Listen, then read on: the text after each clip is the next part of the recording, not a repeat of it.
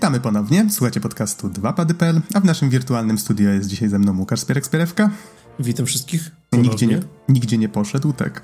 Ja przypomnę, nazywam się Adam Naksa 15 Dębski, nagrywamy w poniedziałek 18 maja 2020 i przed chwilą skończyliśmy nagrywać recenzję Final Fantasy VII Remake. I zachęcamy do tego, żeby najpierw ją odsłuchać, bo teraz będziemy um, robić spoilercast, ale jakby troszeczkę tak kontynuując to, o czym mówiliśmy dosłownie przed momentem, tylko tym razem już jakby wgryzając się w to całe fabularne mięso i zastanawiając właśnie nad tym, co było Hmm, co nam się podobało, co nam się nie podobało, bo musieliśmy oczywiście tak unikać tego tematu i starać się tylko powiedzieć, że a, pewne rzeczy nam się podobały, pewne trochę mniej, a tu Spierek już pewnie kipi. Jak już ręk rękawice treningowe są zdjęte.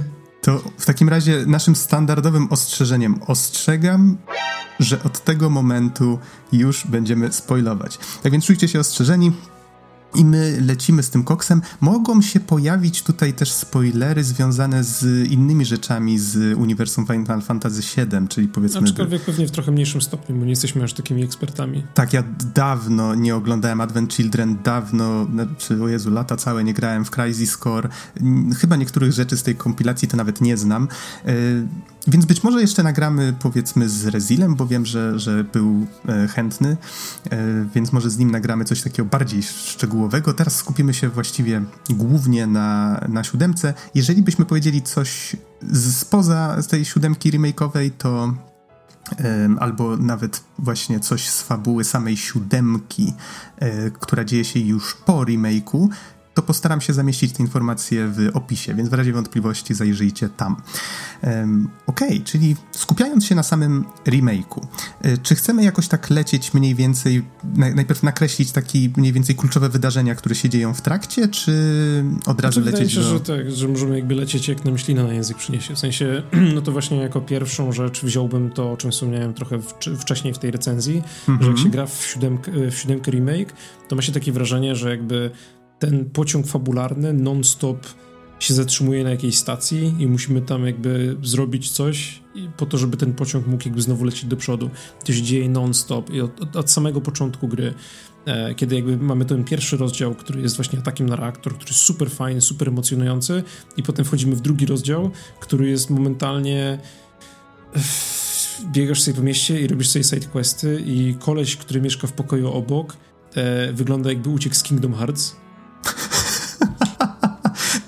i to, to już powinien być mój pierwszy znak, że będzie źle. Już, Lampka po, Tak, w sensie warning powinien się odpalić w głowie i powinienem wtedy już jakby oddać tą grę do sklepu, ale nie, nie, musiałem ciągnąć te kolejne 27 godzin. Shit. Powiem ci, że y, tak, no, Nomura, fetyszysta czarnych kapturów, ale śmiechy, chichy akurat, z tego co pamiętam, jest to jedno z nawiązań do Advent Children, bo Wydaje mi się, że to, co twórcy starali się zrobić, to bardziej za, jakby zakleszczyć te rzeczy ze sobą. Jak powstała siódemka, mm. no to jeszcze nikt nie myślał o tym, że ta gra będzie miała jakieś prequele, sequele w postaci filmów i tak dalej, y, więc tutaj starano się do tego trochę nawiązać, co okej, okay, pomysł sam w sobie nie jest zły, tak, żeby powciskać parę takich wątków, które potem wracają w tych innych mediach. Mhm, wydaje mi się, że masz jakby tutaj jak najbardziej rację, bo też trochę czytałem o tym jakby po skończeniu gry i na przykład niektóre postaci, takie jak Leslie, który się pojawia w, w Wall Market, to jest na przykład postać z jednej książ z książek Final Fantasy VII, więc wydaje mi się, że jakby tutaj faktycznie trochę celem było to, żeby tą całą jakby amalgamację e, wszystkich wątków i postaci i transmedia e, dookoła Final Fantasy VII. W ogóle jakby Japończycy kochają swoje transmedia, czyli to, że masz grę, ale masz też książkę, ale masz też sztukę teatralną, żeby to wszystko wziąć i zepnąć, spiąć po prostu w taką jedną, e, w taki jeden core experience. Przypomnij mi, kim był Leslie? Leslie to był ten... Y E, edgy boy z białymi włosami w czapce. E, ten, który pracował dla Cornella. A, czyli to jest postać, która już się pojawiła w kompilacji Tak, tak, tak. I jakby parę innych postaci też podobno się pojawiały w jakichś tam książkach albo w czymś tam innym. Okej, okay, ja, ja, myślałem, jakby... że to jest nowa postać zupełnie. Wow, okej, okay, to nie wiedziałem. Mm. Przy czym jakby wpływ tych postaci na fabułę tej konkretnej gry jest praktycznie zerowy, w sensie... Niestety. Pojawiają się gdzieś tam w tle i potem znikają jakby that's all. Tak, to jest coś, co myślę, jakby Don zagrał w siódemkę, to, to by powiedział, że jeżeli historia może istnieć bez czegoś, to znaczy, że jest to zbędne. jeżeli tego słucha Don, to pozdrawiamy. Nie, nie, absolutnie ale... stuprocentowo się z tym zgadzam, w sensie, no jeżeli, jeżeli jakiś element fabuły nie służy jakby jej centralnym, jej centralnemu przekazowi, ani temu, żeby wzmocnić wartości tej fabuły, to on nie ma, nie powinien tam być. W sensie e, no nie wiem, powiedzmy jak się właśnie gra w automatę, którą oczywiście uwielbiam przytaczać jako przykład, ale powiedzmy każdy sidequest w tej grze jakby w jakiś sposób buduje ten szerszy świat. Pokazuje nam różne perspektywy, pokazuje nam jakby e, e, szczególnie jakby rozwija stronę maszyn, z którymi nie mamy za bardzo jak interaktować w inny sposób, podczas kiedy e, w Finalu 7, e, remake oczywiście, jakby większość tych misji pobocznych i większość tych postaci pobocznych jest taka, że mógłbyś tam wsadzić dosłownie kogokolwiek.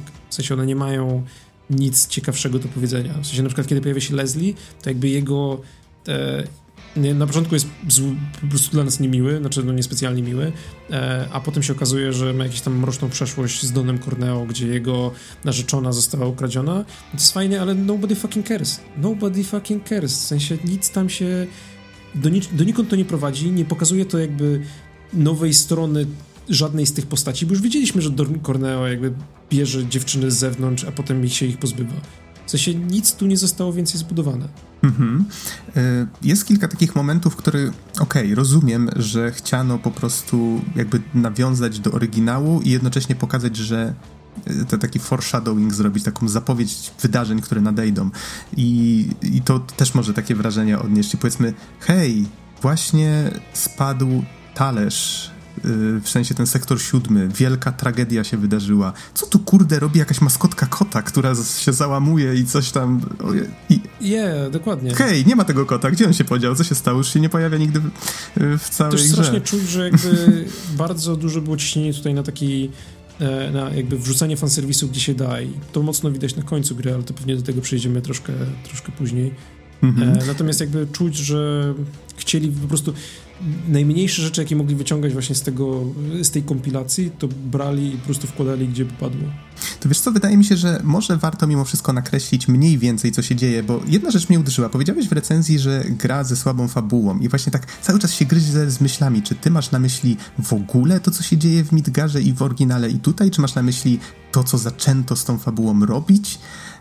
Czy uważasz, że ta fabuła oryginału jest słaba w Midgarze? Bo mnie się wydawało, że to całkiem fajnie Znaczy nie, gra. w sensie jakby uważam, że powiedzmy tak, uważam, że korbity fabuły są dobre i mówiąc korbity fabuły mam na myśli takie e, najważniejsze, kluczowe wydarzenia, które popychają to, co się tutaj dzieje na miejscu. E, są dobre z wyłączeniem rzeczy, które dodano. Powiedzmy tak, e, rzeczy, które się działy w oryginale tutaj też dzieją się w porządku. W sensie, no mówię, atak na jeden reaktor, potem atak na drugi reaktor, potem e, zniszczenie e, slumsów, e, tak gdzieś tam po, w, po drodze jeszcze ten wall, wall market, powiedzmy.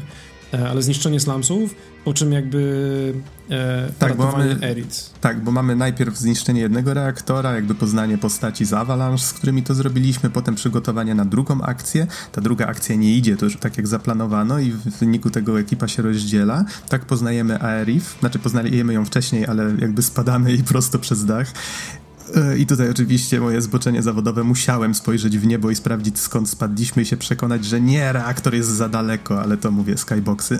Przepraszam bardzo, już nie będę. Um, tak, ale mm, poznajemy Aerith, potem, y, potem, potem, potem trafiamy do Wall Market, tak? Y, potem mhm. właśnie w ramach tego odwetu Shinra zawala jakby cały, cały sektor, żeby się pozbyć Avalanche no jest dużo rzeczy w tych wydarzeniach, które zrobione naprawdę świetnie. Kurde, scena, scena Bareta, który... Ja akurat się z tobą nie zgodzę. Według mnie Barret jest protagonistą tej gry, przynajmniej remake'u. Dla mnie Oho, naprawdę... Ambitne stwierdzenie. Dla mnie naprawdę Barret jest postacią, która przechodzi najwięcej stanów emocjonalnych w tej grze. W sensie, on na początku się... Mm, albo dobra, za chwilę o tym powiem. Przejdźmy najpierw po tych głównych y, końcach, tych y, kluczowych elementach fabuły. Czyli tak, zawala się mm, talerz, potem y, ekipa stwierdza, że już nie, nie można tego dalej ten, tak ciągnąć, trzeba y, jakiś odwet przeprowadzić, zwłaszcza, że porwano, Shinra porwała Aerith, tak, która jak się okazuje jest y, starożytną, czy tam właściwie jedyną żyjącą już starożytną a Shinra chce, żeby doprowadziła ich do jakiejś ziemi obiecanej, gdzie jest mnóstwo energii Mako, którą mogliby wydobywać. Tymczasem właśnie Avalanche chce temu zapobiec, no bo twierdzą, że wydobywanie tej energii zabija planetę. No i mamy tutaj wielki finał w, w tym centralnym, głównym, w głównej kwaterze Shinry na samej szczycie miasta tam się dzieją rzeczy, pojawia się y, wątek Genowy, która później też ma oczywiście pełni bardzo ważną rolę w całej historii. Ym, no i potem jest ucieczka z miasta. I właściwie w oryginale ta ucieczka się skończyła tym, że bohaterowie docierają do końca autostrady, zjeżdżają liną, co było w ogóle przezabawne już dzisiaj. Zjeżdżają liną y, na sam dół i idą sobie. A do miasta nie mogą wrócić, z tego co pamiętam w oryginale, bo są drzwi, które są zamknięte na klucz i ten klucz gdzieś tam leży na świecie i można go kiedyś zdobyć, ale to już w ogóle domyślam się, że dzisiaj to by było totalnie zabawne, gdyby to zrobili w ten sposób. E, niemniej tak. I tak się kończy jakby epizod z Midgarem, czyli prolog sześciogodzinny, z tego co pamiętam e, w oryginale. Mi to zajęło mniej więcej 5-6 godzin. Um, i, I, wtedy świat się otwiera, jest takie wow, to ta gra nie dzieje się tylko w tym mieście. No, a tutaj mamy tutaj właśnie roz, rozepchano a tutaj ta gra dzieje się tylko w tym mieście. A tutaj ta gra dzieje się tylko w tym mieście, przy czym te wydarzenia, one są na tyle skondensowane w oryginale, że okej, okay, mieli sporo materiału na zrobienie naprawdę świetnego RPGa i według mnie okej, okay, sporo tego potencjału wykorzystali. Sporo z tych scen jest naprawdę świetnie zrobionych. Zaraz dojdziemy do tych rzeczy, które dodano i które no tutaj można się spierać, ile psują tak naprawdę. Wracając do Barreta, według mnie Barrett przechodzi najwięcej przemian w ogóle takich emocjonalnych w trakcie całej historii, bo na przykład jak jedziemy do pierwszego mm, reaktora, to tak jak wspomniałeś, on jest strasznie nachalny, on tak musi pokazać, że on tam jest szefem, ciągle się wydziera, musi udowodnić coś, tak? Ale jest świetna scena, jak już uciekamy z tego reaktora. Po pierwsze, jak uciekamy z Jessie, o, to też o czym warto później wspomnieć, że, że w ogóle członków Avalanche, ich rolę znacznie rozszerzono, żebyśmy zdążyli się do nich przyzwyczaić, tak, i, i potem bardziej przeżyć jakby e, to, co się dzieje z sektorem siódmym. To też bardzo fajnie zrobione właśnie jak uciekamy i Jessie mówi, przepraszam, ja muszę cały czas nawijać, ale, ale inaczej będę zestresowana, tak, i to na, nagle sprawiło, że okej, okay, to to jest bardzo dobry argument, podoba mi się to. I tak samo jest scena z Barrettem i z Cloudem w windzie. Jak Barrett wyjeżdża już z tego reaktora i patrzy, jak mu się lewa ręka po prostu cała mu lata, mimo że on cały czas był taki wygadany, co, co to on nie zrobi. A Cloud stoi jak ten słup soli, tak? I to zrobiło na mnie wrażenie. To jest bardzo fajny sposób, jak minimalistycznie pokazać właśnie w jakiś tam sposób przemiany zachodzące w postaciach. I potem jak Cloud, nie Cloud, tylko Barrett przeżywa tą tragedię właśnie związaną z sektorem siódmym, jak na początku właściwie zupełnie do niego nie dociera, co się stało, jak on mówi, że musimy tam wrócić. Tam przecież jest Jesse, jest e, Bix, tak? Dobrze pamiętam? Brix? Bix? Bix. Bix, jest Bix, jest Wedge, o, oni tam są, jeżeli my im nie pomożemy, to nikt im nie pomoże. A ja tak, Barret, co ty kurde wygadujesz? Tu spadło tyle żelastwa, tam nikt nie ma prawa przetrwać, a on cały czas nawija swoje, tak? Więc to było takie według mnie bardzo, bardzo fajnie oddane, to takie wypychanie rzeczywistości w jego wykonaniu. Potem właśnie jak już zaczął dochodzić trochę do siebie i, i jak widzimy właśnie te zgliszcza y, już wspinając się na górę i, i on właśnie mówi, że do Tiffy, że nie zapomnij nigdy tego widoku. To, to było też taka scena, która zapadła mi w pamięć, tak? Bo ona właśnie pokazywała tę, tą taką rosnącą w nim determinację. Więc i, i, I na koniec właśnie tutaj zmiany, które wprowadzono, tak?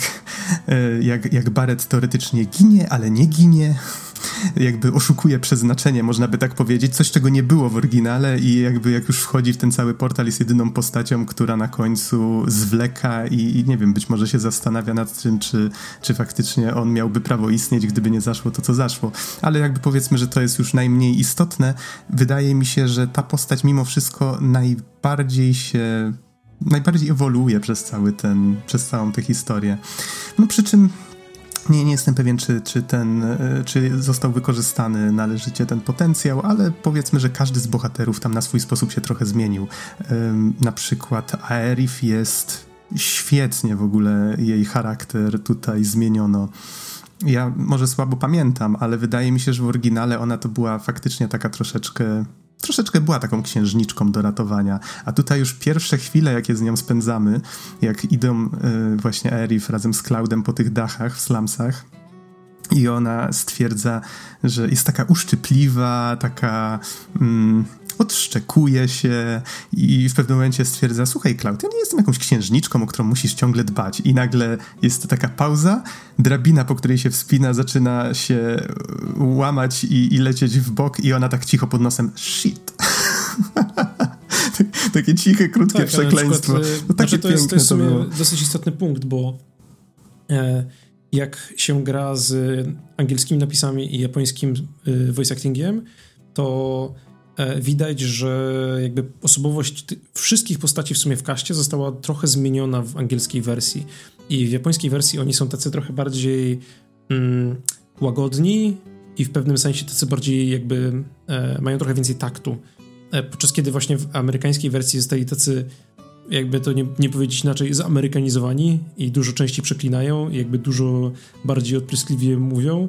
E, no na przykład ta scena z Arif, o której mówisz, gdzie ona zwisa i mówi shit w angielskiej wersji, to w japońskiej wersji mówi jakby odpowiednik takiego o nie, albo o cholera, e, które jest jakby kompletnie nie jest przekleństwem i takich sytuacji Aha. w grze jest wiele, naprawdę wiele. Ale wiesz co, akurat ja tego nie odebrałem w tym przypadku jako przekleństwo. Bardzo mi się podobało właśnie to, że ona y, chce najpierw coś udowodnić, znaczy może nie tyle udowodnić, chce uświadomić coś temu gościowi, który, nie wiem, tak, ale to chodzi z tym nie, nie chodzi mieczem. tylko o to, w sensie to no. są też takie inne sytuacje. Jest na przykład, mm -hmm. powiedzmy, na przykład scena, w której um, nie Wedge mówi do Clouda, że w angielskiej wersji mówi do, do Clouda, że tam, no, tam cześć ziom, ziomeczku, a Cloud mówi, że jakby nie, jest, nie jestem twoim ziomeczkiem, to w japońskiej wersji też jest jakby taka bardziej e, wygładzone, ale mi się osobiście jakby japońskie osobowości tych postaci dużo bardziej podobały, bo brzmiały bardziej jak prawdziwi ludzie w pewnym sensie, że kiedy te hmm. angielskie wersje są takie jakby edgy. Aha. A powiem ci, że akurat ta scena ze spadochronem też bardzo mi się podobała, bo Cloud, zawsze uważałem Clouda za taką postać, która jest taka w sumie totalnie niemrawa, znaczy no on jest taki totalnie niemrawy, anemiczny wręcz, tak? Tutaj mieli szansę trochę lepiej go pokazać, bo no jest mimika, można oddać pewne drobiazgi, których no na tych paru poligonach i na tej gębie z, z oczami narysowanymi na, na twarzy, no w siódemce oryginalnej nie dało się po prostu pokazać. A, a tutaj właśnie wydaje mi się, że ta odpowiedź I'm not your bro, tak, to bardzo fajnie oddało właśnie, że Cloud nie jest taki taki emo, tutaj w siódemce, w remake'u. Za takiego myślę, że go fani uważali przez lata. On tutaj jest taki um, jakby do końca nie wie, czego chce, ale, ale też tak nie chce, żeby ludzie go traktowali właśnie pobłażliwie tak wydaje mi się, że on, twórcy w jednym wywiadzie stwierdzili, że chcieli, żeby on miał taką trochę, że wszystkie te postacie właśnie sprawiają wrażenie takich 20 lat w górę, natomiast on jakby się tak troszeczkę uwstecznił, co ma troszeczkę sensu, biorąc pod uwagę pewne wydarzenia, które mają miejsce później. Natomiast e, on, jakby zachowuje się, jakby był jeszcze trochę niedojrzały emocjonalnie i trochę to widać w niektórych e, sytuacjach. Natomiast mm, mnie akurat się, się podobała troszeczkę ta, ta taka opryskliwość tych postaci. Takie momenty, w których nie sprawiały wrażenie, że zachowują się inaczej niż tego byś po nich oczekiwał, ale nadal nie na tyle odstająco, żebyś, żebyś faktycznie uznał, że nie, ta postać nigdy by czegoś takiego nie zrobiła, tak? No, to było takie trochę odświeżające, wydaje mi się. Tifa wydała mi się natomiast taka właśnie trochę nijaka. W sensie... Hmm, no nie wiem, inne postacie trochę ją przyćmiły. Mhm. O, może tak. Może Też tak miałem takie wrażenie, w sensie jakby Tifa stoi gdzieś tam trochę w tle, Barret jest jakby... Barret przyciągnął moją uwagę dlatego, że był opryskliwy i głośny i go bardzo nie lubiłem. E, Tifa właśnie tak jakoś tam, coś tam sobie robi, ale w sumie nie za wiele się z niej pamięta. E, no wydaje mi się, że Aerith jest taką jakby najciekawszą postacią w tym całym party. To jest taka osoba, która faktycznie jakby e, powiedzmy tak, ze tych wszystkich jakby chapterów w grze, ósmy i dziewiąty podobały mi się chyba najbardziej, dlatego, że to są właśnie chaptery, które spędzamy sam na sam z Aerith, która jest zabawną postacią, z którą się jakby dobrze spędza czas. E, a, a, potem, a potem ludzie z Avalanche wracają. Generalnie wydaje mi się, że gdyby jakby wyrzucić cały e, z remake'u wyrzucić wszystkie momenty z Avalanche, to ta gra stałaby się lepsza. Hmm.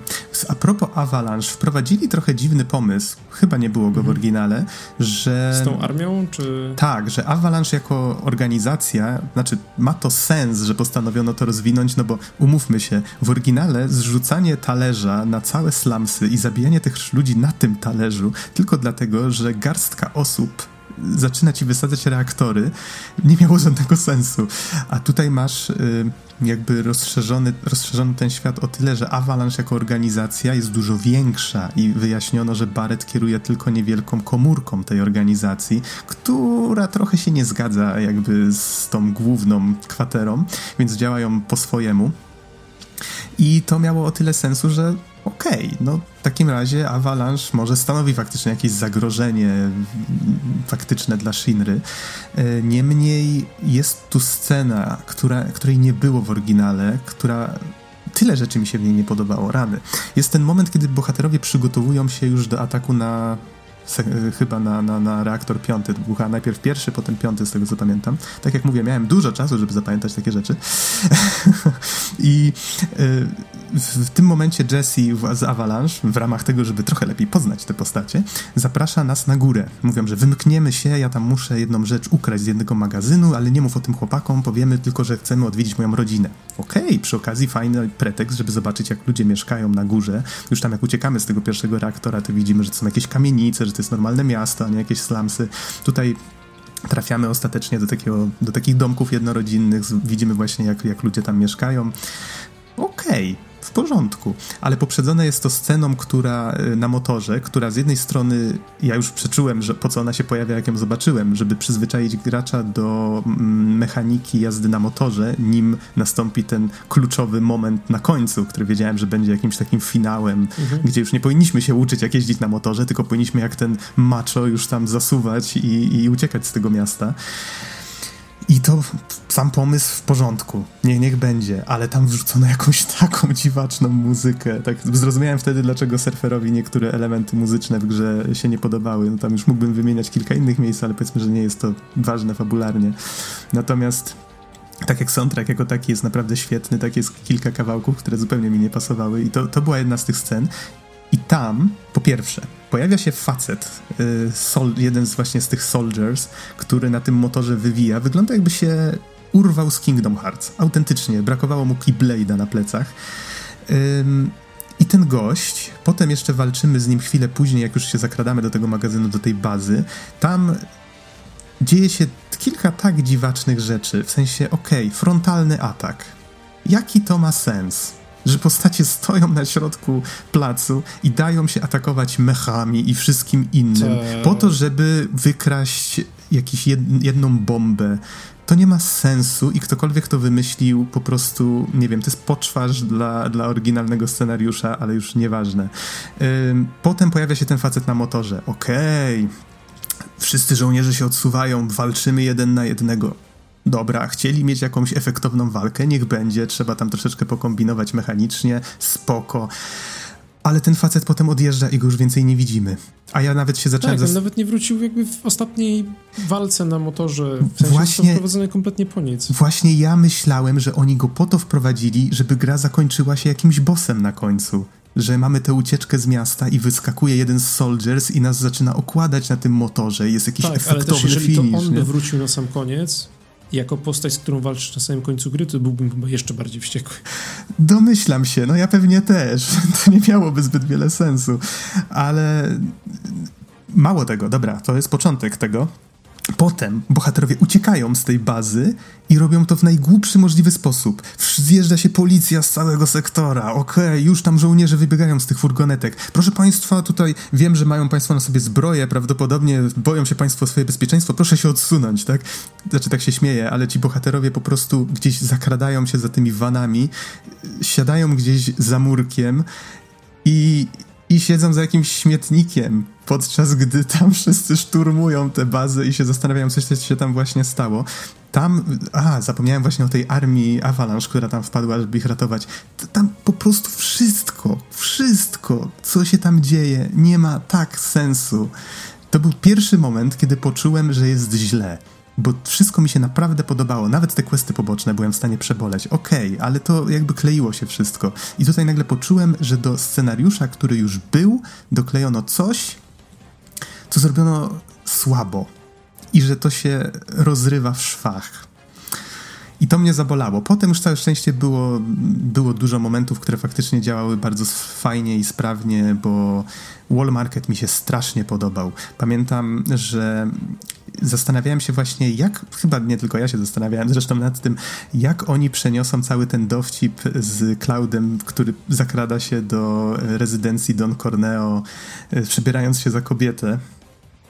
Bo to zostało. To był jeden z takich w sumie śmieszniejszych momentów w oryginale i zrobiony był, myślę, no naprawdę zabawnie. Jak w grudniu sobie to przypomniałem, to też ryłem ze śmiechu.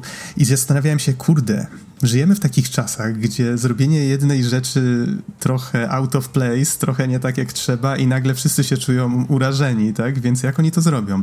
Wydaje mi się, że kurde, zrobili to całkiem nieźle. W sensie nadal ryłem ze śmiechu, nadal zrobi... Przez długi czas tego rozdziału myślałem, że jednak zupełnie z tego zrezygnowali, bo mocno się ten rozdział zmienił. Tam zupełnie bohaterowie jakby nie dążą do, do tego, co było wcześniej. I tak myślałem, e, chyba tego nie będzie. I nagle, kurtyna, lecimy i po prostu cudowne to było. No mnie się to strasznie podobało. Mówiłeś, że tobie się minigierka nie, nie podobała, tak? Minigierka mi się nie podobała, dlatego że tak jak te button prompty kręcą się dookoła postaci i to jest parę momentów, gdzie po prostu jakby fizycznie ciężko jest zobaczyć, co mamy wcisnąć i w jakim momencie. I dla mnie to było po prostu nieprzyjemne do grania. W sensie jakby sama reżyseria sceny spoko, ale też przez to, że musimy grać w tą minigierkę podczas kiedy ta scena się dzieje, to nie możemy się skupić na tej scenie, e, co jakby zostawiło mnie tylko jeszcze bardziej zawiedzionym, że nie mogłem się przyjrzeć tym fajnym animacjom, bo musiałem patrzeć, kiedy mam wcisnąć kwadrat. Mhm. Się, że dla Klauda też nie było to zbyt przyjemne doświadczenie, nie. więc może to o to chodziło. no ale tak już śmieszkując, potem jak wychodzisz z tego e, klubu, to, to tam e, ten, co obsługuje ludzi, mówi, że o, pan Cloud, czy chciałby pan raczyć przyjść i, i, i zaszczycić nas jeszcze jednym występem? Cloud, nie. Więc wiesz, no, e, domyślam się, że ludzie tam może inaczej reagują, jeżeli tę minigierkę bardzo źle poprowadzisz, albo jak bardzo dobrze ją poprowadzisz, bo, bo w sumie po przejściu gry się dowiedziałem, że jest właśnie sporo takich rzeczy, które gra ci nie mówi, a które wpływają na pewne rzeczy. Czyli e, tylko nie wiem, czy, czy chcemy od razu do tego przeskoczyć, czy chciałeś coś dodać mm -hmm. a propos tych wcześniejszych rzeczy? Nie, nie, kontynuuj. E, to może tak. Mm, właściwie każda albo inaczej, już naprowadza na to y, trofeum chyba, które można dostać za przejście rozdziału 14 na wszystkie tam chyba trzy sposoby, czy coś takiego. Ma, mam wrażenie, że chodziło o rozdział 14, ale już nie pamiętam dokładnie. 14, tak. I tam chodzi o to, że ten rozdział chyba zaczyna się w ten sposób, że jesteśmy w domu Aerith, już po rozmowie z jej matką. Mm, to jest ten ostatni rozdział, gdzie są sidequesty, więc tak. Mhm. Została Aerith już porwana, Bohaterowie odpoczywają po wszystkim, co się stało, i wtedy Cloud się budzi w nocy, może się wymknąć z domu i widzi kogoś w ogrodzie. I to jest albo Tifa, albo Aerith, albo Barret. A, to ja miałem Aerith. Ja miałem e, Tifę. I od tego, kogo tam zobaczymy, to, to jest warunkowane punktacją, która działa w tle. I te punkty What? zarabiamy te punkty zarabiamy za różne rzeczy to jest, to, powiedzmy, że to jest coś w rodzaju takiego mm, pseudo-mechaniki randkowej, no niech tak będzie, tak? Czyli jeżeli na przykład y, Tifa na przykład, jeżeli wykonamy wszystkie questy w slumsach na początku, to zaprasza nas do swojego mieszkania, żeby trochę tam porozmawiać właśnie o przeszłości, bo wiele mm lat się mhm. nie widzieli i tak dalej. I nas pyta, w, że mówi, że w jaką być, sukienkę się ubrać. Tak, że moglibyśmy gdzieś wyskoczyć, byłoby fajnie, w co się ubrać, tak? No i możemy wtedy coś wybrać dla niej i mam wrażenie, że nawet takie wybory jak to, gdzieś tam można sobie na wiki sprawdzić, fanowskiej, nawet takie wybory jak to też do tej punktacji się zaliczają, czyli to, jaką sukienkę wtedy wybierzemy, nie tylko warunkuje, w co ona będzie ubrana, jak będzie jechała do Don Corneo. No, u mnie była na przykład ubrana w kimono, bo powiedziałem jej, że może coś egzotycznego, tak? E, ale mam wrażenie, że to też tam powiedzmy jedna opcja nie daje punktów, inna daje plus jeden, inna daje plus dwa. Każdy quest wykonany z tą postacią, w, czyli powiedzmy dla Tify, im więcej questów wykonamy w slumsach, tym więcej punktów idzie do niej. Im więcej wykonamy questów z Aerith już w kolejnym rozdziale, tym więcej punktów idzie do Erif i tak dalej. Czyli to nie są tylko rozmowy i jakieś tam wybory, to są też właśnie questy i pewnie jakieś tam inne drobiazgi też. Y, dowiedziałem się też, że na przykład cały Wall Market jak tam też da się zrobić coś inaczej. Mianowicie, tam chyba każda z postaci może być ubrana inaczej. E, I tam na przykład jest ten, ten quest, że, że Aerif chyba ma się ubrać u, nie pamiętam jak ona się nazywała. Mm, pamiętasz może? U tej masażystki, no mniej mniej. E, Madame, Madame M chyba, czy coś takiego. Mm, coś takiego. Madame I, coś tam. I, i ona, y, i Aerif ma się właśnie ubrać na bóstwo, żeby pójść do tego Don Corneo. Jeżeli wykona się wszystkie questy, y, za Aerif w tym rozdziale, czy tam wcześniejszym, już nie pamiętam, to wtedy Aerif wychodzi, ten Jimmy, czy jak on się nazywał, ten, ten ten taki e, wiem, komik, komik relief, ten taki chodzący. Johnny. Johnny. Johnny idzie z czerwonym dywanem, rozwija go przed nią, ludzie mówią, wow, kto to idzie? I ona w czerwonej sukience idzie, a Cloud, o oh, wow. Nie?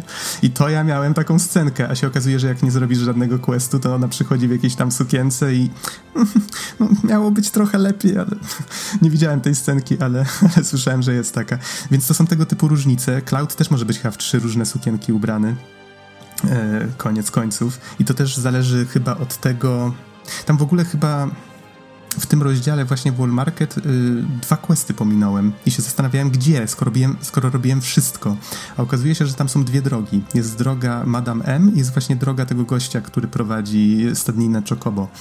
I w zależności od... I to tam też działa pewna punktacja. W zależności od tego... Y, które jakby odpowiedzi, jak tam on mówi, wybierzcie monetę albo coś takiego, tutaj orzeł czy reszka i tak dalej. Każda z tych drobiazgów, albo na przykład y, ile zapłacimy za masaż dłoni u Madame M, każda z tych rzeczy wpływa na punktację, która sprawia, że pójdziemy jedną ścieżką albo drugą i będziemy mieli chyba dwa zupełnie inne questy tam po drodze. Więc nie sprawdzałem dokładnie tych questów, kusi mnie trochę, żeby kiedyś do tego wrócić, bo tak jak mówię, ja miałem całkiem sporo frajdy z tą, z tą grą. Um, ale no, tak, żebyście byli świadomi, że są tam takie rzeczy. I, I tak jak właśnie mówię w 14 rozdziale, to może być albo Tifa, albo Erif, albo, albo Barret w tej rozmowie. Jezus Mary, że też że też mieli czas na takie rzeczy, a nie mieli czasu na, na cokolwiek innego z tą... Eee. Cokolwiek eee. innego to, to znaczy? No, w sensie, żeby zrobić jakby coś, co ma znaczenie w tej grze. No dobra, przejdźmy może w takim razie. Tak, tak. Przejdźmy do jakby. Do największej ja zmiany. sobie zacieram, zacieram rączki. Pogadajmy o e, crossoverze Final Fantasy VII i Harry Potter. Dementorzy. E, fetyszysta czarnych kapturów. Pogadajmy o dementorach, tak. W sensie najbardziej chyba kontrowersyjna zmiana w, w tej części, która przejawia się już w sumie od samego początku rozgrywki do samego końca jakby nie jest porządnie wytłumaczona i w sumie nawet jak zostaje wytłumaczona, to tak naprawdę nie jest wytłumaczona.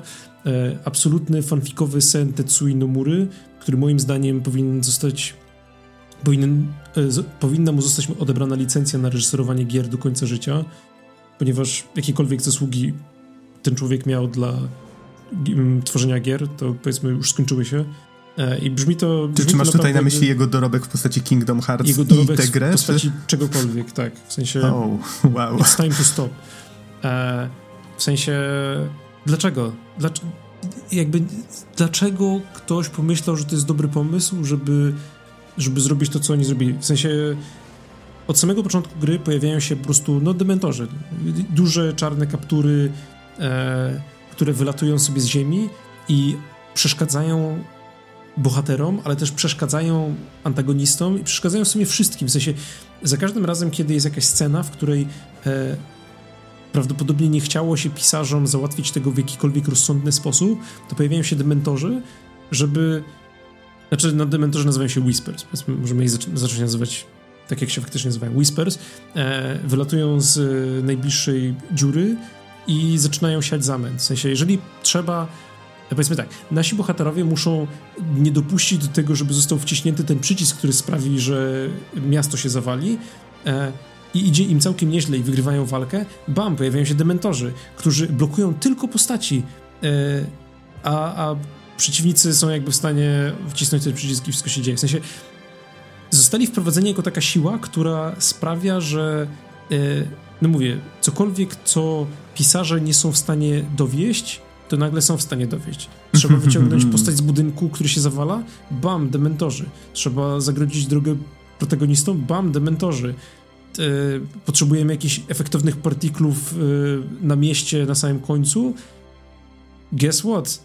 Pojawiają się dementorzy. I to jest niesamowicie frustrujące, bo oni pojawiają się bez ładu i składu, po, do samego końca gry, podczas kiedy, znaczy do samego końca gry, kiedy to zostaje nam wytłumaczone, że tak naprawdę to jest siła przeznaczenia, która sprawia, że bieg historii ma biec tak jak, tak jak normalnie ma biec. Czyli w każdej sytuacji w ciągu gry, gdzie e, fabuła lekko odchodziła od oryginału, po to, żeby zrobić jakąś bardziej efektywną scenę, to musieli się pojawić dementorzy po to, żeby z, wściągnąć jakby ten tor fabularny z powrotem tam, gdzie powinien być. Ale powiedz mi, czy. Bo wydaje mi się, że cały ten pomysł. Ja właśnie tak zaczynałem się zastanawiać, czy ty właśnie dojdziesz do tego do tego konsensusu na, na koniec, tak? Czy faktycznie zastanawiałeś się, czy to było tylko takie e, Deus Ex Machina? Znaczy teoretycznie jest to Nie, Deus to jest, Ex Machina. Tak. Masz ale... rację, to jest Deus Ex Machina w formie rzeczywistej, w sensie jakby w formie namacalnej. Tak, tak, tak. To nie tak, jest tak. takie, że, że to się po prostu stało, tylko to jest, dorzucimy efekt graficzny na to, że właśnie tutaj użyliśmy Deus Ex Machiny. Ale do, do, czegoś innego zmierzam, bo mówiłeś właśnie, że to było jakby narzędzie scenarzystów, żeby zrobić mm, coś w taki sposób, znaczy, albo inaczej, żeby uzasadnić coś, czego nie wiedzieli, jak uzasadnić. Tak. Po, po przeczytaniu wywiadu z twórcami, który chyba się w Ultimanie ukazał, e, scenarzystą nie jest Nomura, tutaj od razu podkreślam, e, ale domyślam się, że tam był jakiś Jest właśnie... reżyserem, też jest on, on, jest reżyserem, też na pewno był winny wielu rzeczy, ale nie, nie, nieważne. Człowiek uwielbia swojej kaptury, nie wierzę, że to, że to nie jest jego wina. Ale na przykład to, że walczy się na końcu z Sefirotem, to tam w tym wywiadzie było powiedziane, że ktoś do, do Nomury podszedł, już nie pamiętam kto to był, ale też właśnie ktoś kierujący pracami i, i powiedział, że według niego w, musi być walka z Sefirotem na końcu, bo inaczej to, to, to nie będzie miało sensu. No i, on, no i Nomura się zgodził. Więc... I się zgodził i ta gra dalej nie ma sensu. Dobra, do tego przejdziemy, ale ja tak właśnie się zastanawiałem właśnie, czy, czy ostatecznie powiesz to że, że to jest ta siła przeznaczenia, bo to jest tutaj kluczowe i to pokazuje, że wszystkie sceny, w których pojawiają się te duchy, mimo wszystko są celowe. Że to, to, jest, to jest właśnie to, co surfer określił jako metagra. I sama idea tego pomysłu wydaje mi się fascynująca, nie, już pomijając jakby to, jak to zrealizowano. Powiedzmy, że mamy grę, która ma ponad 20 lat. Robimy jej remake i staramy się zrobić tak, że w tym remake'u pewne rzeczy dzieją się inaczej. No bo siłą rzeczy i tak będą się działy troszeczkę inaczej, bo przepisujemy kawałki tej historii, ale hej, zróbmy z tego taką, taką metę, że gracze wiedzą już, co się wydarzy. Zaskoczmy ich tym, niech oni się zaczną zastanawiać, co to za element się pojawił, tutaj ci dementorzy, tak? Mm, czy szepty, jak już powiedziałeś, whispers. I te szepty, o, one się pojawiają w takich pozornie momentach zupełnie losowych, nie ma to ładu i składu, ale jak już się wie, że to jest ta siła przeznaczenia i się zna oryginał, wie się, że pewne rzeczy teoretycznie nie powinny się wydarzyć, to wtedy wtedy można nagle zacząć jakieś tam wyłapywać smaczki, tak? Jest tam nawet moment w samej kwaterze głównej. E, Wedge, jeżeli się nie mylę, on w oryginale chyba tak samo jak reszta Avalanche nie przeżył e, upadku talerza e, mhm. sektora siódmego. Tymczasem on się pojawia, znaczy tutaj poprawcie mnie, jeżeli się mylę, bo może nie pamiętam aż takich szczegółów, surfer na pewno by pamiętał. Wedge się chyba nie pojawiał już później, bo on prawdopodobnie już wtedy nie żył w oryginale jeżeli mnie pamięć nie myli, pojawia się w kwaterze głównej Shinry i potem jest scena, jak atakują go ci dementorzy i w domyśle jest to pozostawiane, że on prawdopodobnie został przez nich wypchnięty przez szybę i wyleciał z tego wieżowca i prawdopodobnie zginął, mówiąc tylko coś w rodzaju powiedz mi Cloud, mam nadzieję, że to co zrobiłem będzie miało jakieś znaczenie.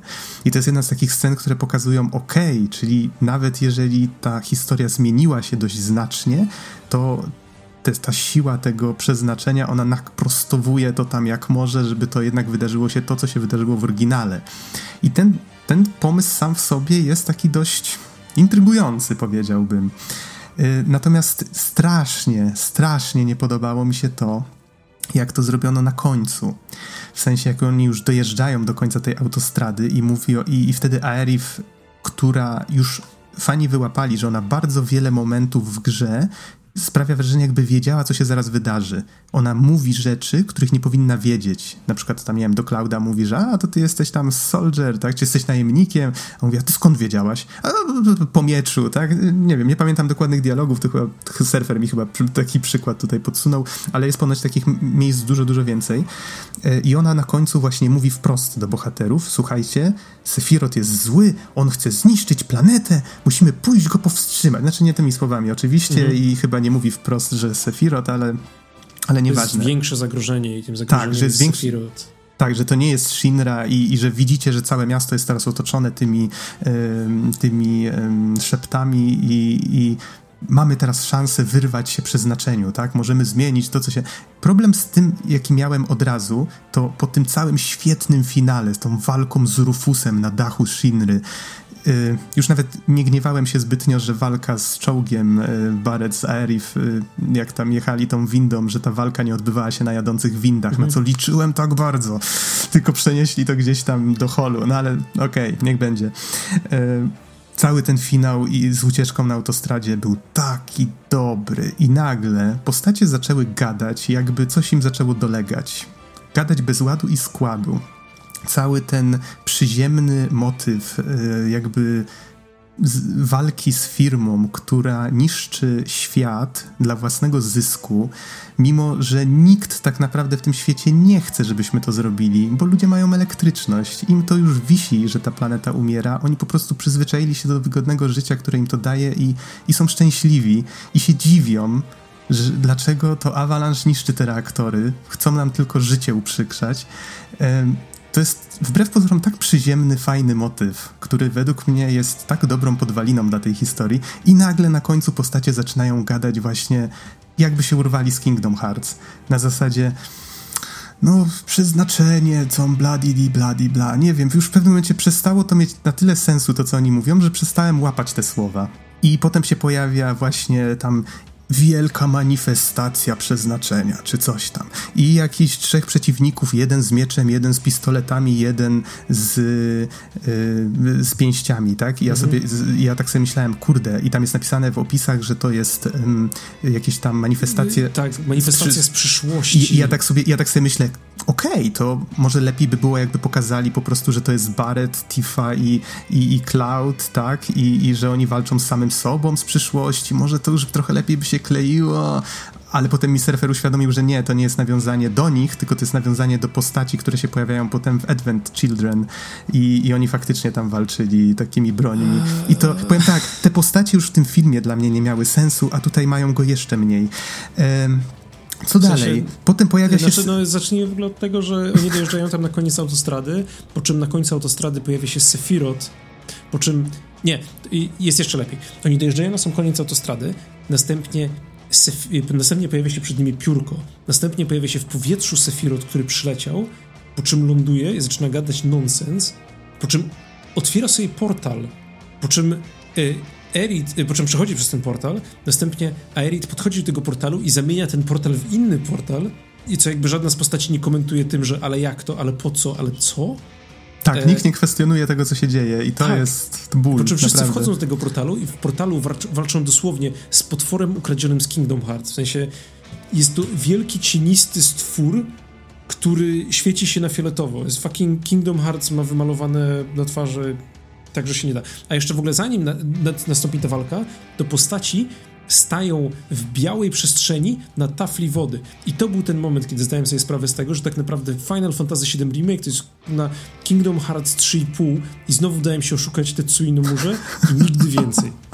Powiem ci tak, akurat, akurat jak stali na tej powierzchni, tam chyba to była woda czy coś, faktycznie to było takie aż niepokojąco przypominało Czekałem, pewną... aż widzi jakiś taki koci stworek skądś i zacznie mówić, że tak. e, serce jest tam, gdzie nasi przyjaciele. Bladibibla. E, to wybiłeś mnie teraz zupełnie. Ale tak, ta, ta lokacja niebezpiecznie przypominała te z Kingdoma, ale z trójki, ale ona mimo wszystko pojawiła się najpierw nie wiem, czy nie pamiętam już czy w oryginalnej siódemce, ale na pewno była w Advent Children. Tam była taka scena, gdzie było całe biała przestrzeń, cała biała przestrzeń i były kwiaty na podłodze. No tutaj było trochę to inaczej zrobione, ale wydaje mi się, że to do tego nawiązywało. Natomiast jak już pojawia się Sephiroth, który swoją drogą, okej, okay, Wszystkie te rzeczy były wprowadzane wcześniej, czyli całą grę wprowadzano i te, i, i te szepty, i Sephiroth pojawiał się już od wczesnych godzin i tak dalej, więc to nie jest tak, że te rzeczy wrzucono na sam koniec. Wtedy to by była tragedia, naprawdę. Yy, starano się wbudować je w tę historię. Ale wbudowano je Ale... tak strasznie tak. naiwnie, w sensie ta przez historia... masę takich flashbacków i przez masę właśnie takich dziwnych scen, gdzie Cloud gdzieś patrzy i nagle spada piórko. I potem i mamy szum i efekty na ekranie, a potem znaczy, znikają. Jest taka... Przyznaję, że Cloud miał już te wizje różne. Miał wizje miał, w oryginale. Też. Tak, tak. Ale one więc... były mniej intruzywne, bo to zwykle był taki po prostu pojedynczy filtr i jakieś słowa. A tutaj to potrafią być takie dwuminutowe sceny, gdzie cały ekran syczy i szumi i się no I tak. daje ci epilepsję. Niemniej, niemniej Sephiroth się pojawia. O, jeszcze nim zapomnę, wspomnę, że strasznie mi się nie podoba jedna rzecz e, na końcu. Jezu, ale narzekamy, a tam mówię, że tak, tak przyjemnie mi się w tę grę grało, a, a tutaj tyle żółci się leje. Yy, Genowa w oryginale to było po prostu nightmare fuel. W sensie ja do dzisiaj pamiętam, jakie wrażenie na mnie robiły te sceny, gdzie właściwie nie pokazywano zbyt długo nigdy tej istoty. Nie było wiadomo, co to jest i jak wygląda, tylko że to tak mniej więcej kształtem przypomina jakąś kobietę, ale niby jakieś takie macki, niby coś tam. Tutaj tak spartolono ten efekt, że zupełnie Genova nie zrobiła na mnie wrażenia. E, poza tym cała ta lokacja z nią tak psuła pacing według mnie. To, co powinno zmierzać do finału, po prostu skończyło się olbrzymią lokacją, która może i była w miarę okej, okay, ale, ale była zbędna.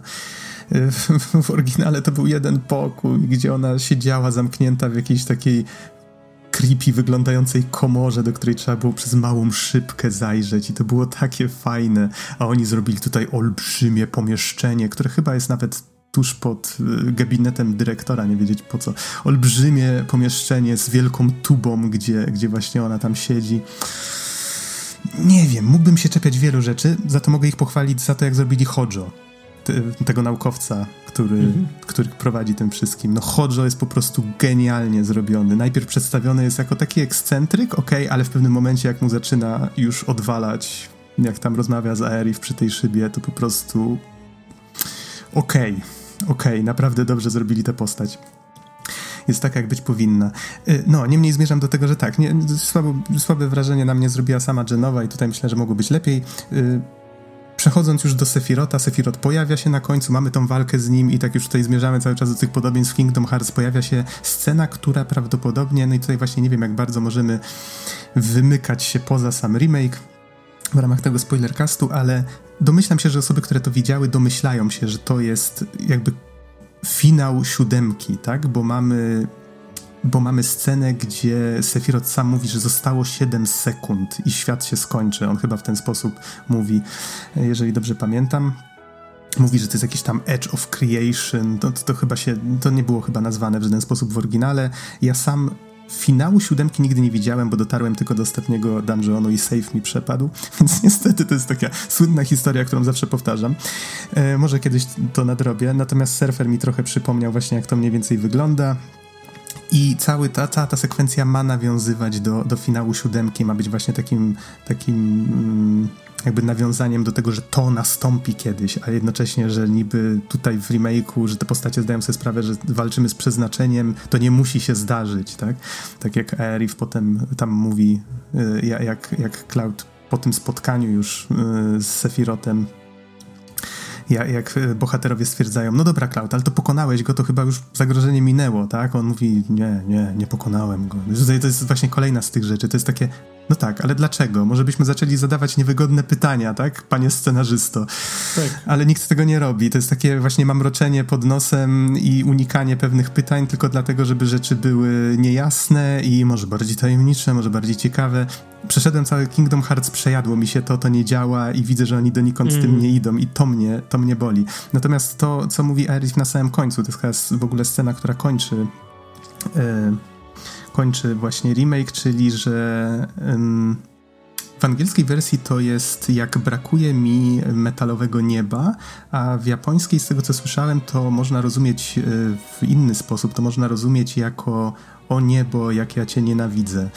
I tutaj fani y, spekulują, że to chodzi o to, że wszystko, co właściwie spotykało Aerith, wszystkie smutki, tak, jakieś tragedie, wszystko się działo pod gołym niebem, więc czy tam może poza Midgarem, może, może tak to można mm -hmm. ująć i zinterpretować.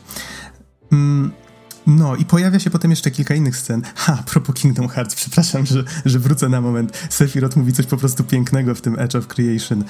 Pokazuje na niebo i mówi do Clouda Cloud, my jesteśmy częścią czegoś większego. I ja tak wtedy myślę, o nie, nie mówcie mi, że za chwilę ogłosicie, że to jest jedno uniwersum z Kingdom Hearts albo coś takiego. Nie byłbym w ogóle zaskoczony. Ojeju. No ale dobrze, wracając do, do scen końcowych. Twórcy jeszcze trochę zaszaleli, pokazując kilka dziwnych rzeczy. I tutaj właśnie, tu już wkraczamy trochę w terytorium właśnie uniwersum siódemki, tej kompilacji różnych gier i tak dalej. Tutaj jak ktoś, jak ktoś nie grał albo może nie wie, to może nie chce tego słuchać, ale pojawia się tam scena z Zakiem, czyli ukochanym e, Aerith, o, której, o którym w sumie wiemy tylko, bo wspomina o nim, że kiedyś była zakochana i tak dalej. Natomiast on się tam pojawia w takiej scenie, która no wydaje się dość ważna, tylko kurde, kim jest ten facet, tak? Cała ta końcówka już po autostradzie jest po prostu takim fanserwisem na maksa. Wiadomo, że ta scena z Sephirotem pojawiła się tylko dlatego, że twórcy chcieli przypodobać się fanom i chcieli mieć jakąś efektowną walkę na koniec. I to jest trochę smutne, bo doczepianie takich rzeczy do historii, która się klei sama w sobie, jest, no, nie powinno mieć miejsca, tak? E, a tam mamy właśnie Zaka. Ta scena jest zupełnie inna. Tam w pewnym momencie dzieje się w niej coś bardzo dziwnego. Przelatuje przed kamerą torebka foliowa z jakimiś chrupkami i tak sobie myślisz, no kurde, po co mi to pokazujecie? Dlaczego to jest ważne? Owszem, to jest ważne. Na tej torebce jest narysowany piesek, który jest maskotką i przewija się ta maskotka przez całą grę. Twórcy są mm, upewniają się, że my nie zapomnimy tego pieska. I ten piesek na tej torebce jest innej rasy. O co chodzi? Już się pojawiają spekulacje, że to, co się pojawia po y, właśnie tej końcowej walce, to są jakieś wydarzenia z zupełnie innego mm, uniwersum, wszechświata, czy jakiejś nie wirtualnej, tylko równoległej rzeczywistości, tak? Że te zmiany, które bohaterowie wprowadzają, y, walcząc z tym przeznaczeniem, sprawiają, że mm, że pewne rzeczy wydarzą się w tym świecie inaczej. Tutaj w ogóle surfer bardzo ciekawe teorie mi przytoczył. Mam nadzieję, że może jeszcze nagramy jeden materiał na ten temat, że jakby Aerith, fani spekulują, że Aerith jest jedyną postacią, która wie, co się dzieje, że ona nie pierwszy raz już to przeżywa, że to jest taka meta na takiej zasadzie, że ten remake opowiada tak naprawdę historię już po wszystkich tych e, poprzednich częściach, że to jest jakby historia, która m, mm, świat się jakby zapętla, Aerith wie, co się dzieje, Sephiroth jest czymś w rodzaju takiej stałej we wszechświecie, która po prostu już w tej chwili jest w stanie nawiedzać ludzi gdziekolwiek by się w czasie nie pojawił, tak? I wiele innych takich pomysłów, które po prostu nie mają ładu i składu i rodzą tyle dziur fabularnych, że oni nie będą w stanie tego nigdy załatać, jeżeli się okaże, że to jest prawda. I no i pokazują jeszcze w tych ostatnich scenach, że i, i, i Bix, i, i Jesse prawdopodobnie żyją, i, i Wedge no, też prawdopodobnie przeżyli. Tam w ogóle jest scena... Że wszystko który... nie miało konsekwencji. Wszystko nie miało konsekwencji. Zupełnie tak jak... Znaczy nie jestem pewien, tylko czy ta scena opowiada o wydarzeniach właśnie w momencie... Yy, w rzeczywistości... Ojeju, o Jezu, jak, jakie to jest poplątane. Zak jak przybył do miasta, to jest przeszłość przed siódemką. Więc ta scena cała z Zakiem, po pierwsze piękna pogoda, też tam widać właśnie, że się Midgar jakby rozpraszają te, e, te szepty i tak dalej, więc jakby ta walka w przyszłości wpłynęła jakoś na, na przeszłość. Zak nie zginął, choć powinien w tym momencie zginąć.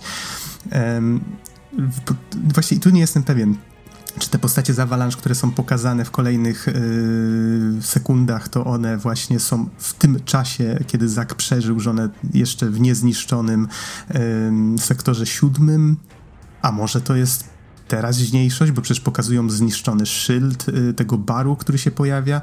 O, to jest jeszcze jedna rzecz, która mnie strasznie uderzyła, że twórcy w ogóle wpadli na pomysł, że postacie poszły na teren zniszczonego sektora siódmego. To jest coś, co według mnie nie powinno mieć miejsca. Znaczy mam tutaj na myśli ratowanie Wedge'a z tego mhm. laboratorium, bo dla mnie siłą tej sceny było to, że tam nie zostało nic W sensie, tak. że wszyscy zginęli, kilka metrów albo kilkanaście metrów metalu pierdzielnęło i zabiło wszystkich. Już pomijam fakt, że to powinno pewnie też sąsiadujące sektory zniszczyć w pewnym stopniu, to już powiedzmy nie będę się aż tak czepiał inżynieryjnie. Um, I oni nagle pod ziemiami gdzieś wchodzą i nawet znajdują szyld swojego baru. I ja się pytam, jak? To miejsce wygląda jak po bombardowaniu, a nie jak po spadnięciu kilkunastu tam metrów metalu. Więc no, ale to, jest, ale to jest gra, przy której bawiłem się bardzo dobrze, żebyście nie pomyśleli że coś jest nie tak. Ale kurde, mam z nią kilka takich bardzo poważnych problemów. Hmm. No niestety. Trochę się rozgadałem, Spierek, zabrałem ci sporo nie, czasu nie, nie, antenowego. W sensie jakby wylewałeś, wylewałeś moje żale na zewnątrz i ja czułem twój ból razem. I chciałbym po prostu, żebyś przyznał przed sam, samym sobą, że też nie podobała ci się ta gra, ale możesz ukrywać dalej. Było dużo, znaczy Wiesz co, okej, okay, mógłbym tak powiedzieć, ale nie byłaby to prawda, bo autentycznie tyle scen sprawiało, że siedziałem na skraju krzesła i że nie mogłem się oderwać do samego rana i autentycznie świat przestawał dla mnie istnieć, że okej, okay, że, że nie mogę tego powiedzieć, że mi się ta gra nie podobała, była świetna. Ale gdyby nie te rzeczy, które w nią wrzucili tak dziwnie i słabo. Ja naprawdę się boję. Znaczy oni zapewniają, że kolejne części to nadal będzie 95% czy ileś tam powiedzmy oryginału. No tutaj nawet nie było 95, więc ja już im nie ufam. Myślisz? No może, no nie wiem. No ale niemniej ten, ten ich pomysł jest szalony i o ile fascynuje mnie sama idea, ja lubię takie burzenie czwartej ściany, co zresztą pewnie w recenzji spoilerkaście Undertale'a już mieliście okazję posłuchać. Lubię takie motywy, ale jeżeli są zrobione z głową, tutaj czegoś zabrakło. Tutaj zabrakło zrobienia tego. No, nie, ten Kingdom Hearts też mnie trochę nakierunkował. W sensie przechodzenie Kingdom Heartsa przez ostatnie, no ile to było, półtora roku całej serii, sprawiło, że ja trochę zacząłem patrzeć, właśnie tak widzieć pewne schematy. A Nomura jest chyba dużo bardziej scenariuszowo zaangażowany w Kingdom Hearts. Tam konsekwencje tam nie istnieją. W pewnym momencie postacie giną, wracają, nikt się już nie przejmuje tym, że ktoś ginie, bo tam nie mają te rzeczy zupełnie konsekwencji. I nagle mam przeczucie, że tu robią dokładnie ten sam błąd. I to jest takie zło. Mm. Dobra, Spierek, uratujmy jakoś, jakoś ten spoilercast, zróbmy jakoś zakończenie, gdzie nie będzie tyle jadu. Nie wiem, cokolwiek. 5 na 10. Hej.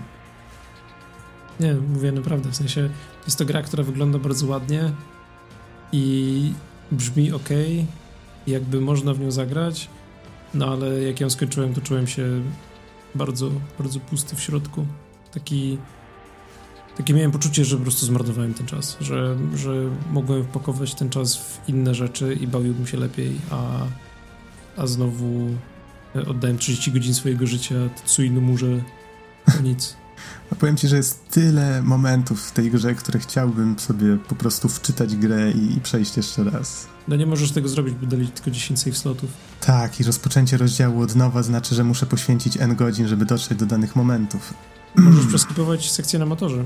Z tego, co wyświetliło A. się na końcu. A no faktycznie. Kiedyś Więc możesz może... skipnąć dwie sekcje, które trwają, które trwają po 15 minut. Kiedyś może się pokuszę o, o platynkę, nie wiem ale powiem ci, że są momenty w tej grze, dla których z hmm. chęcią zacząłbym ją jeszcze raz. Znaczy nie, ale tak kompletnie serio. Wydaje mi się, że to jest jakby... Wydaje mi się, że ta gra jako całość to jest coś, co zostało stworzone w dużej mierze z myślą o superfanach oryginalnej siódemki. W sensie takich, że jeżeli już uwielbiasz to uniwersum, to możesz jakby tutaj wskoczyć i raczej ci się spodoba. I z tego co widziałem, jakby najpo, najkorzystniej na grę reagowali ludzie, którzy byli po prostu bardzo dużymi fanami oryginału. I być może to był jakby mój błąd, że ja podchodziłem do tej gry z myślą, z otwartym umysłem i z myślą, że to będzie produkt stworzony przede wszystkim dla osób, które jakoś może pominęły ten oryginał i teraz chciałyby jakby na nowo wskoczyć w to wszystko, no plus oczywiście jakby homarz dla, dla fanów oryginału, ale Prawda jest taka, że jakby bez znajomości oryginalnej fabuły ciężko jest się tu odnaleźć. Jest po prostu tyle chaosu, tyle niepotrzebnych elementów, tyle tyle fileru, który, który w tej grze nie jest potrzebny. Można by zrobić mniejszą, lżejszą, fajniejszą grę z tego. A powiedz mi, opierając się na własnych doświadczeniach, bo domyślam się, że chcielibyśmy już kończyć, czy radzisz mimo wszystko najpierw przejść oryginał znaczy, no domyślam się, że jak ktoś tego słucha, to, to pewnie już ma jakieś już, doświadczenie. Już za późno, już jest za późno. Ale tak już w oparciu o własne doświadczenie, myślisz, że lepiej było najpierw przejść remake, potem ten fragment oryginału, no bo nie przeszedłeś całego oryginału, tak? Tam, to, to na pewno dużo, dużo więcej by ci może kontekstu mhm. jeszcze wpadło. Myślisz, że ten, ten remake faktycznie sprawia, że, że, ten pomysł twórców, że to działa niezależnie od tego, czy grałeś, czy nie, ale mimo to polecają, bo tak nawet w wywiadzie mówili, że polecają przejść e, oryginał, nawet nie czekając na, na kolejne części remake'u. Czy, czy Moim że... zdaniem mhm. oryginalna gra w sekcji midgarowej lepiej opowiada swoją fabułę niż ten remake. Moim zdaniem, pomimo archaizmu i pomimo tego, że trudniej się w nią gra jakby po prostu mechanicznie, w sensie widać, że to jest gra, która była projektowana na PlayStation 1, to e, remake, przynajmniej w wersji na PS4, w tej, której możemy sobie przyspieszyć animację i w której możemy sobie pomijać te jakby opcjonalne walki, e, broni się storytellingowo lepiej niż remake. Naprawdę szczerze tak uważam.